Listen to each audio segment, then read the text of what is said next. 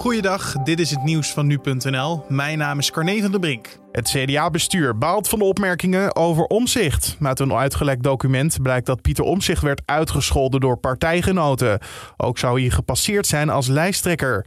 De tijdelijke voorzitter van de partij reageerde gisteravond, zo was te horen bij de NOS. Ja, zo spreek je niet over elkaar. Kwalificaties over Pieter Omzicht werp ik verre van mij. Dat is niet hoe wij om moeten gaan in het CDA. Een speciale commissie onderzoekt de lijsttrekkersverkiezing van de partij. Een document met alle onthullingen had Omzicht naar deze commissie gestuurd. De commissie Spies gaat eerst het huiswerk doen. En dan zullen wij daarover besluiten als partij op basis van de conclusies en aanbevelingen van de commissie Spies. Omzicht beweert dat hem beloofd was dat hij de jongen mocht opvolgen als lijsttrekker. Maar uiteindelijk is voor Wopke Hoekstra gekozen. Rotterdam heeft relatief het grootste aantal vastgestelde coronabesmettingen van de grootste gemeente. Dat blijkt uit een inventarisatie van nu.nl. Er werden in totaal niet alleen maar meer positieve tests afgenomen, ook waren er volgens GGD Rotterdam-Rijnmond daadwerkelijk meer infecties. Dat was terug te zien in de rioolwatermetingen. Daarnaast wonen mensen in kwetsbare wijken in Rotterdam vaker met grote gezinnen in kleine huizen.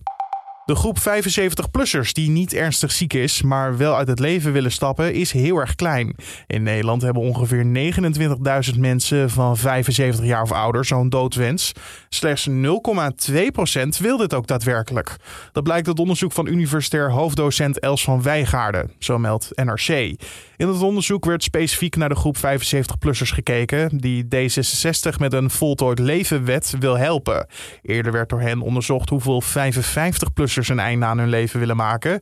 Daaruit bleek dat iets meer dan 10.000 van hen een doodswens heeft. Het Verenigd Koninkrijk gaat 100 miljoen vaccins doneren aan ontwikkelingslanden. Premier Boris Johnson volgt hiermee het voorbeeld van Amerika. Zij gaan 500 miljoen vaccins doneren aan arme landen. In totaal zouden alle grote G7-landen een miljard doses beschikbaar willen stellen voor de vaccinatiecampagnes in ontwikkelingslanden. En tot zover de nieuwsupdate van nu.nl.